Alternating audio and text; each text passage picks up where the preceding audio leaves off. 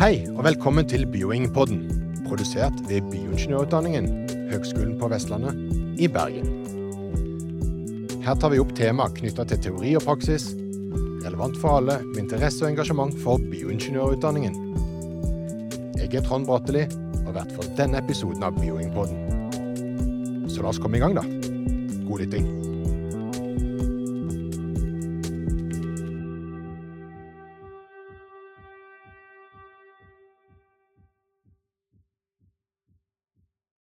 I denne episoden av Bioing-podden så skal vi ta, sette fokus på automatisering. Vi har derfor tatt turen opp til Haukeland universitetssykehus i nye, flotte og lyse lokaler, hvor vi finner seksjon for automatiserte analyser. Og der skal vi snakke med Charlotte, Hanan og Solveig, bioingeniører med lang erfaring i automatisering. Vi kan jo begynne med å stille et helt sånn greit spørsmål. Hvordan påvirker automatisering og robotisering arbeidet som bioingeniør? Det er det nok mange som lurer på. Og eh, skal vi begynne med Hanan, da? Har du noen eh, tanker rundt dette? Ja, altså automatisering og robotisering er jo veldig vanlig nå inne hos oss. Eh, og altså, yrkene er jo blitt mer og mer modernisert etter hvert. sant? Eh,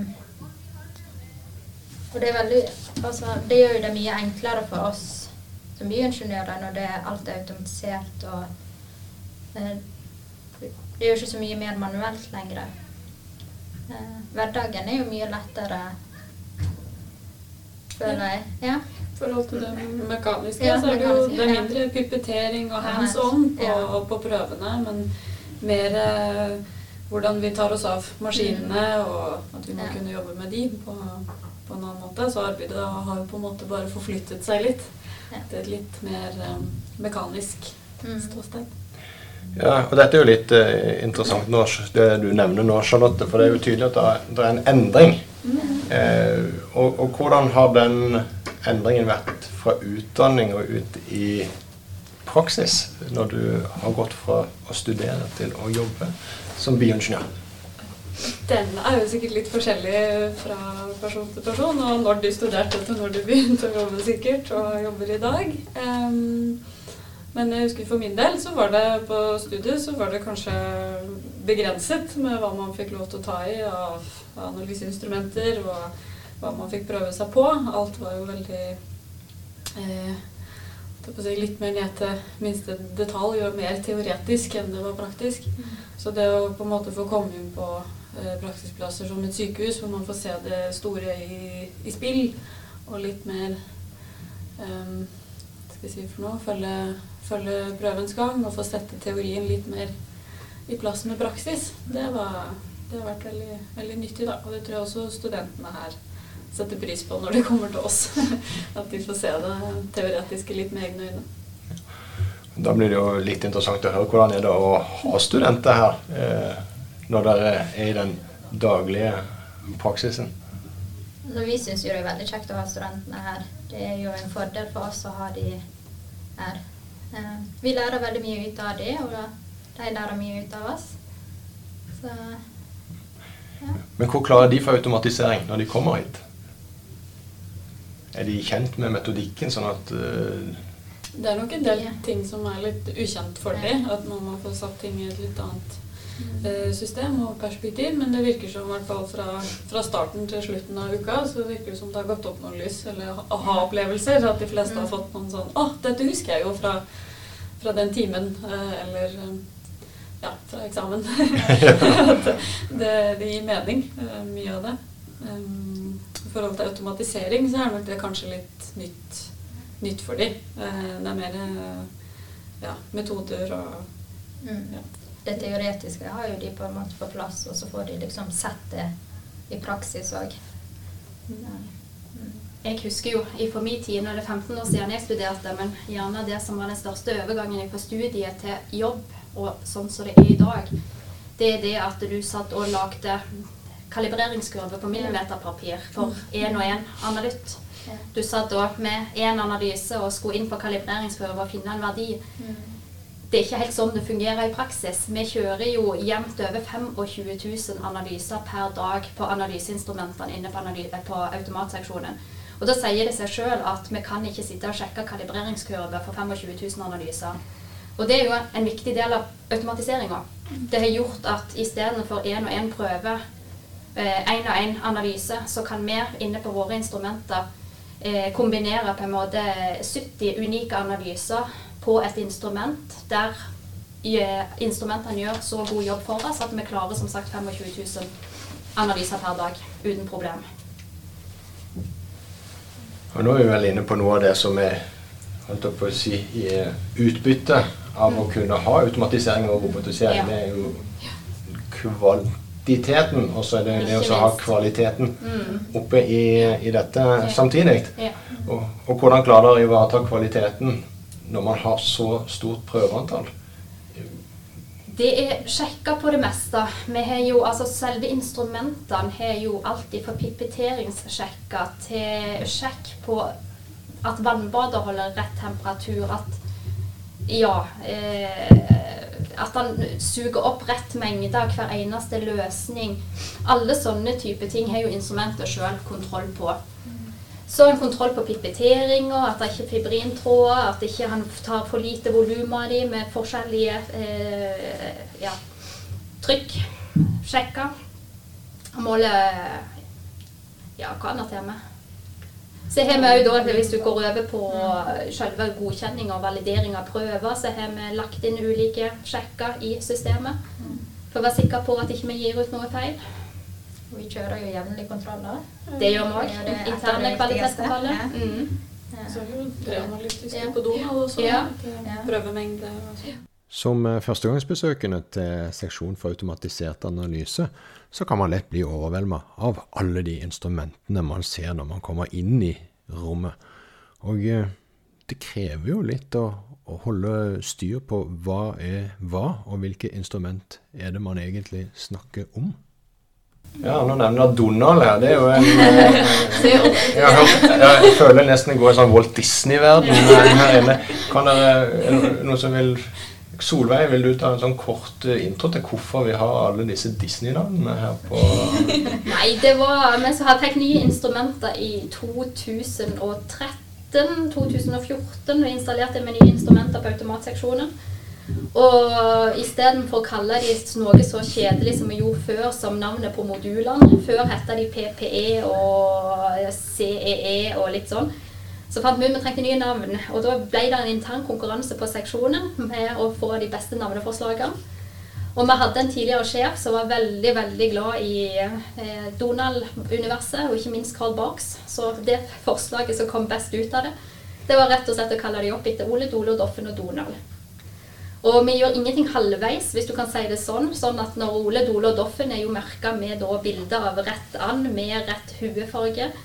Og vi har òg ulike vi var inne på kontroller. De ulike kontrollskjemaene er da fargekoder etter hvilket instrument og fargen på hatten til, eller lua til. Så her er det gjennomført stil. Jo, men det gjenspeiler vel den kvaliteten Ja, man ja, ha det i det. alt det man gjør, gjør når man er bioingeniør. Ja. Det, det er jo til fingerspissene. Nei, så har vi jo tre helt like, helt identiske analyseinstrumenter, men med litt ulikt oppsett av analyser på dem. Så det som er greit òg med litt ulike navn, det er jo det å kunne da skille de fra hverandre. Ja. Ja. Og da Vi vet, vi vi vet hva vi snakker om når vi snakker om Doffen. Og det er som i reklamen, det er alltid Doffen som dør. Ja. Um, når, når Ole Dole Doffen har ulike analyser, Ja. sånn som jeg forstår det. Og da, jeg vet ikke om noen vil si noe Hvilke analyser er det dere har Vi har mange. Ja. Så Men det er jo litt sånn at eh, Doffen har jo litt beinmark... Nei, kreftmarkører. Og så har jo Dole litt hormoner. Ja. Ja. Så har Ole alt. Det er jo litt fordelt Ja. etter hvor, hvor ofte de analyseres også, Ja, det egentlig. Så øh, det har jeg fått til på å si heltids døgninstrumentet vårt, Ole. Eh, han som er oppe eh, 24-7, han har jo på en måte alle de kritiske analysene som eh, blir kjørt fra akuttmottak, toponiner f.eks. og, og CKMB. Eh, sånne ting. De, eh, de har vi jo valgt å ha på den maskinen, eh, fordi at vi vil kunne kjøre de døgnet rundt. Og så er det noen analyser som vi f.eks. har svartid på fra 8 til 3 eller 8 til 10 eller 9. De, har, de kan vi sette på de andre maskinene som det er nede om natten f.eks. Så det er jo det er mye som er likt, men vi har å fordele det logisk, da. Så går det òg på hvor mye vi analyserer hver. Alle høyvolumanalysene har vi på alle tre analyseinstrumentene. Mens enkelte medikamenter som vi gjerne kjører ja, fem av i året, men vi er nødt til å ha for å tilby det til akuttmottaket i tilfelle noen kommer inn med intox, det har vi bare på ett instrument. Så det er veldig stor forskjell. Hvor var det vi fant ut? Vi kjørte 400 000 kreatininer i løpet av et år. Vi kjører åtte salisilat. Der fem av de var eksterne kontroller. Ja, så det er veldig stor forskjell.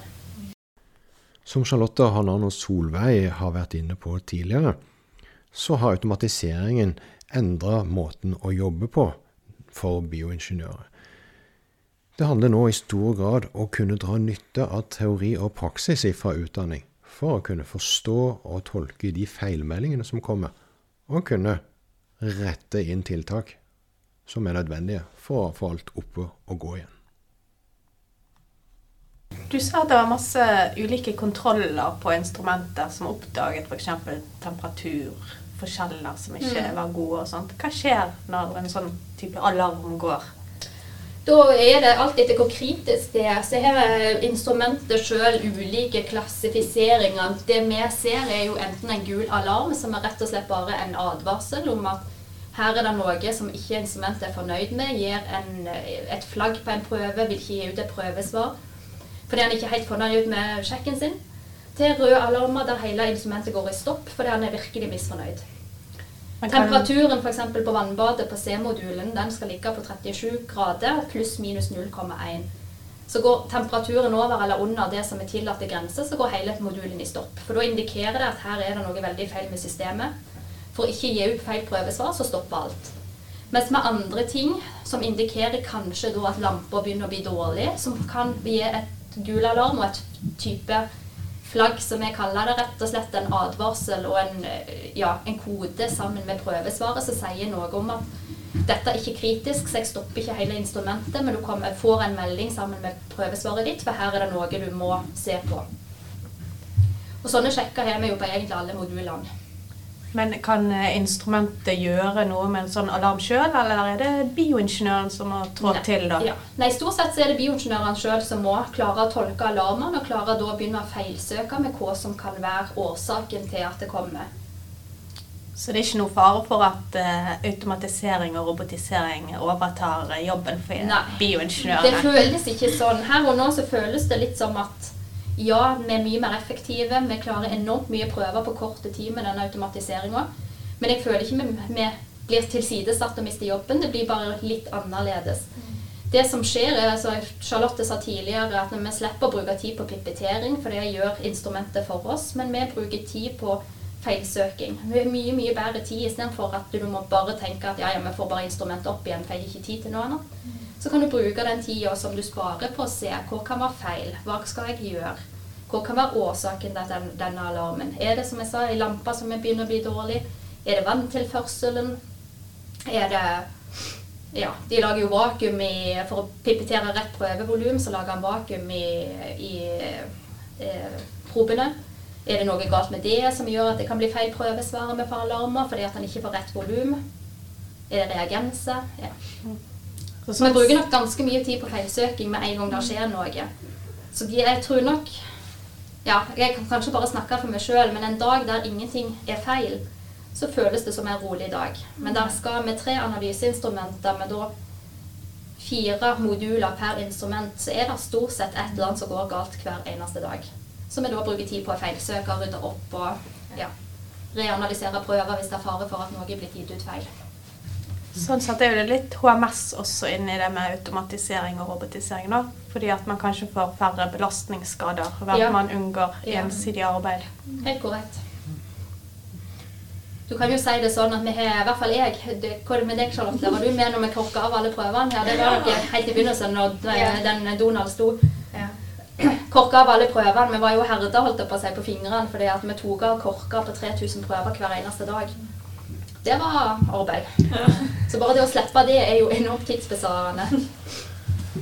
Og dette er jo igjen en ny sånn aspekt når først noe går galt, eller noe stopper opp. Hvor mye kan dere som bioingeniører altså, Hvor mye kan dere tillate dere å gjøre med, med de ulike analysedelene av linja? Analyselinja? Må dere sitte og vente på en Nei, ingeniør? jeg vil påstå at vi gjør veldig mye sjøl så lenge det er mekanisk. Det vi ikke rører stort sett, det er elektronikken bak alt. Eh, da må vi få hjelp fra firmaet som har laga instrumentene. Men utenom det, det å skru opp deksler, det å bytte en probe, det å Ja, rett og slett eh, Vi bytter ganske mye deler sjøl. Vi har enkelte som har tatt ekstra servicekurs for å kunne utføre denne jobben. Sånn at de er på en måte gått på kurs sammen med firmaet for å lære seg hvordan de bytter de ulike delene. Og det er jo noe vi er avhengig av i forhold til at vi har så høyt prøveantall at et instrument kan ikke ha nedetid altfor lenge. Så vi er avhengig av at alle tre instrumentene egentlig går ja, optimalt så de skal hele dagene. Eh, og det gjør jo òg at vi har lært dere sakte, men sikkert å bytte veldig mye sjøl. Så det gjør jo altså, Du kan jo si det sånn at det, vi føler gjerne ikke vi er bare bioingeniører, men vi er jo like mye serviceingeniører. Så vi er litt dataingeniører. Er dere ikke enige? Jo. Litt IT-spesialister, altså. Det viser vel kanskje at man har mange muligheter da, som bioingeniør. Ikke, Ja, egentlig det. Jeg, eh, jeg tenker litt på sånn som når man eh, har kommet i den situasjonen og står Jeg har jo vært inne nå og sett på den eh, linja, og det er jo ganske støyete der inne. Det, det må jo kunne være lov å, å, si når man er snakker om HMS. Ja. Eh, men men det er jo veldig, det er mange flotte lys. Det er blått og grønne lys. og Det ser veldig fancy, fancy ut. Og, det skaper, skaper en distanse til metodene. F- eller hvordan føler dere når du står inne i det rommet der? Det, det ser ut som en sånn stor datasentral òg, kunne man jo nesten tro. Jeg husker når jeg først begynte å jobbe på automat, så følte jeg litt at du beskriver nå, at man fikk litt mer distanse til eh, metoder, og det ble mye rutine. Altså man gjorde, ja, gjorde det daglige på en måte på instrumentene, og litt mer klinisk eh, i forhold til metoder og sånn. Em, men nå syns jeg at det som er også ganske spesielt med å jobbe på en sånn plass som er litt, det er litt stort og litt sånn, nesten litt sånn halvaktig, det er også det at alle er litt på gulvet, alle er litt på maskin, og det er veldig mye kommunikasjon oss imellom. Så jeg føler på en måte at det virker veldig sånn eh, grunna og sammenfletta arbeidsplass. Selv om det virker så stort og åpent, så man, må man hele tiden kommunisere med hverandre underveis. da. Fordi- Ja. Jeg tenker jo litt på den der når du, du sier avstand til metodene, at vi ikke har så veldig mye fokus på selve metodene og analyseprinsippene bak de analysene vi kjører i det daglige. For dette, det skjer jo helt automatisk via instrumentet. Det vi har mer fokus på, er jo kvalitetssikring av prøvesvarene. At det, prøv, altså at det analyseresultatet vi gir ut til pasienten, at det er korrekt. Og da ligger jo på en måte kunnskapen om alle analysemetodene i bunn. Men det er ikke sånn at jeg går rundt og husker på hele veien og tenker ok, akkurat den fungerer på den viset, akkurat den fungerer på den viset. Men det vet jeg jo. Jeg kan det. Det må jo brukes mye feilsøking. Det brukes mye feilsøking, ja. Helt rett. Da må man kunne det. Og dette er jo en, en viktig beskjed ut til de som nå går på bioingeniørutdanningen. Altså Uansett om man skal jobbe med manuelle metoder eller jobbe med automatiserte metoder, så må man kunne analyseprinsippene. For man får bruk for dem på en eller annen måte. Du får Enten, det, ja. ja, enten gjennom å gjøre det manuelt, eller å kunne finne og identifisere en feilkilde. Veldig ofte så er det jo i forbindelse med feilsøking, og vi har jo f.eks. Vi analyserer jo TSH fritt i fire. Eh, der de skal gå i omvendt retning. Den, den ene høy, skal den andre være lav. Og da er det jo litt av feilsøkinga hvis begge to er lav-lav. Hvis du er lav fritt i fire sammen med en lav TSH, så er jo spørsmålet kan det være noe feil, kan det være feil analysering? Og da er vi inne på analyseprinsippene plutselig. Den ene er kompetativ, den andre er sandwich. Vil de gå i samme retning hvis de kjører på samme? Hvis det er noe feil med analyseinstrumentet, at han ikke pipetterer rett volum. Nei, det vil de egentlig ikke. Da går de i motsatt retning, for det er den ene kompetativ og den andre sandwich. Da må det være noe annet som er feil. Og sånn bruker vi gjerne analyseprinsippene og alt det vi kan i bakgrunnen. Uten at vi går rundt og tenker på det til det daglige. Hvis dere mistenker at det er en eh, preanalytisk feil, eh, i hvor stor grad har dere kontakt med de på avdelingene for å nøste opp i sånne feil? Vi tar jo kontakt med en gang nesten hvis vi lurer på at det er preanalytisk feil. Så tar vi gjerne en telefon og hører om det har skjedd noe. Går det drypp i samme arm som pasienten har tatt prøve i? Eh, ja. Har pasienten nettopp fått medikament, og så tar de kontrollprøver? Det, Det kan jo være mange ting. Ja. det er jo veldig mye som kan spille inn. Vi prøver jo alltid Ja. først kanskje å høre med, hvis det har vært på huset, at vi snakker med prøvetaker først. Mm. Liksom, kan du huske om det var noe, eller noe sånt. Eh, Noen ganger så har det kanskje gått litt fort på noen runde uten at man liksom har innsett eh, hva det var. Og ja, og hvis vi- man ikke finner ut av noe, men det er ganske tydelig at det f.eks. er en fortynningsfeil, at natrium og kalium går veldig godt i Mm. en retning og sånt, så, så kan det være greit å ringe til avdelingen. Og høre med dem om ikke pasienten får drypp. Eller, ja. Hvis ikke så vil vi anbefale å ta nye prøver. Det er liksom Mm. Og vi får jo veldig mange harmoniserte prøver av og til. Da får jo de ikke svar på kaliumet, f.eks. Da tar jo de ofte nye prøver sjøl.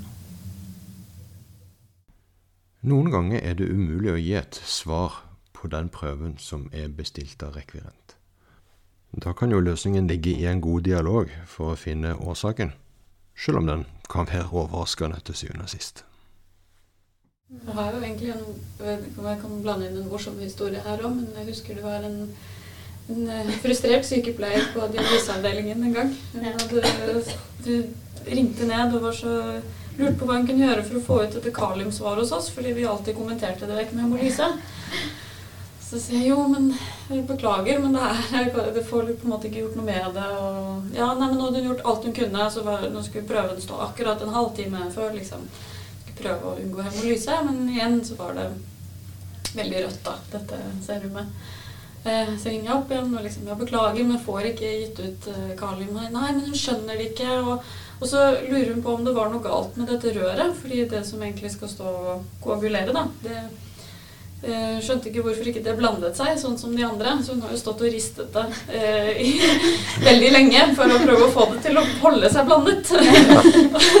og misforstått litt eh, poenget med akkurat det røret, da. Så det var jo årsaken til det. Så fikk jo kalium til slutt. I eh, Store norske leksikon så er automatisering beskrevet som en teknikk for å få systemet til å fungere uten eller med liten grad av menneskelig medvirkning. Og hvor omfattende er da automatiseringen blitt på de store sykehusene, sånn som Haukeland universitetssykehus? Nå er jo dere eh, er Eller navnet på seksjonen deres heter jo Seksjon for automatisert analyser. Betyr det på en måte at dere har eneretten på automatisering? Nei, det gjør det ikke. Altså Hele huset, alle de ulike seksjonene, er jo automatisert til en viss grad. Så hvorfor det navnet er satt på vår seksjon, det vet jeg egentlig ikke. Men vi er jo gjerne de som har det mest komplekse og største systemet. For vi er jo i hvert fall de som kjører mest analyser i løpet av et år. Jeg er litt usikker på hvor det ligger på totalt sett sånn i 2021 på hele eh, MBF, men vi har jo seks millioner analyser. Så det er gjerne der det henger igjen ifra. Vi er størst system med mest analyser, men automatisering fins på hele. Det er jo tilsvarende analyseinstrumenter de har egentlig på alle de ulike seksjonene. Så jeg vil jo påstå at det meste er jo automatisert på en eller annen måte.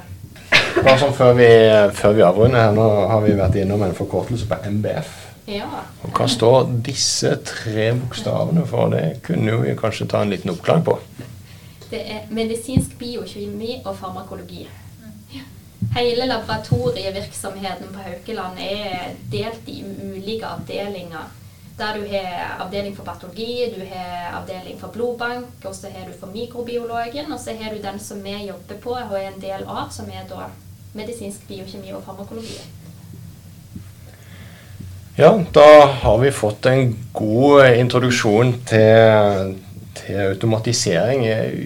Har dere noen gode råd her, Charlotte, Hannan eller Solveig, til studentene?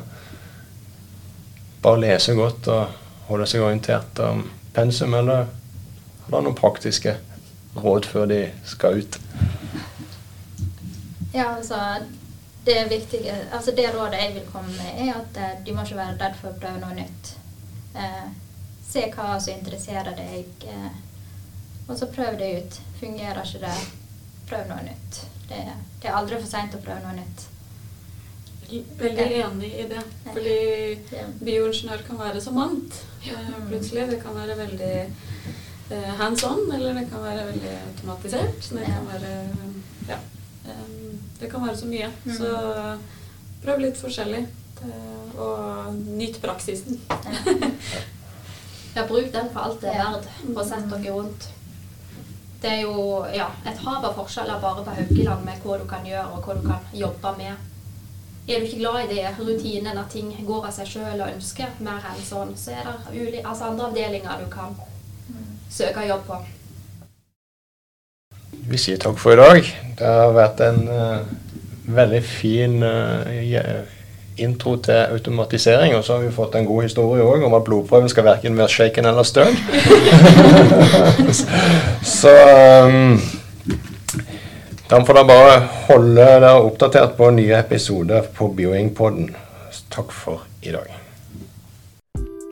Takk for at du har tatt deg tid til å lytte til denne episoden av Bioing-podden. Vær oppdatert og få med deg nye episoder etter hvert som de publiseres. Bioingpodden, en podkast fra Høgskolen på Vestlandet for alle med interesse og engasjement for bioingeniørutdanningen. Vi høres.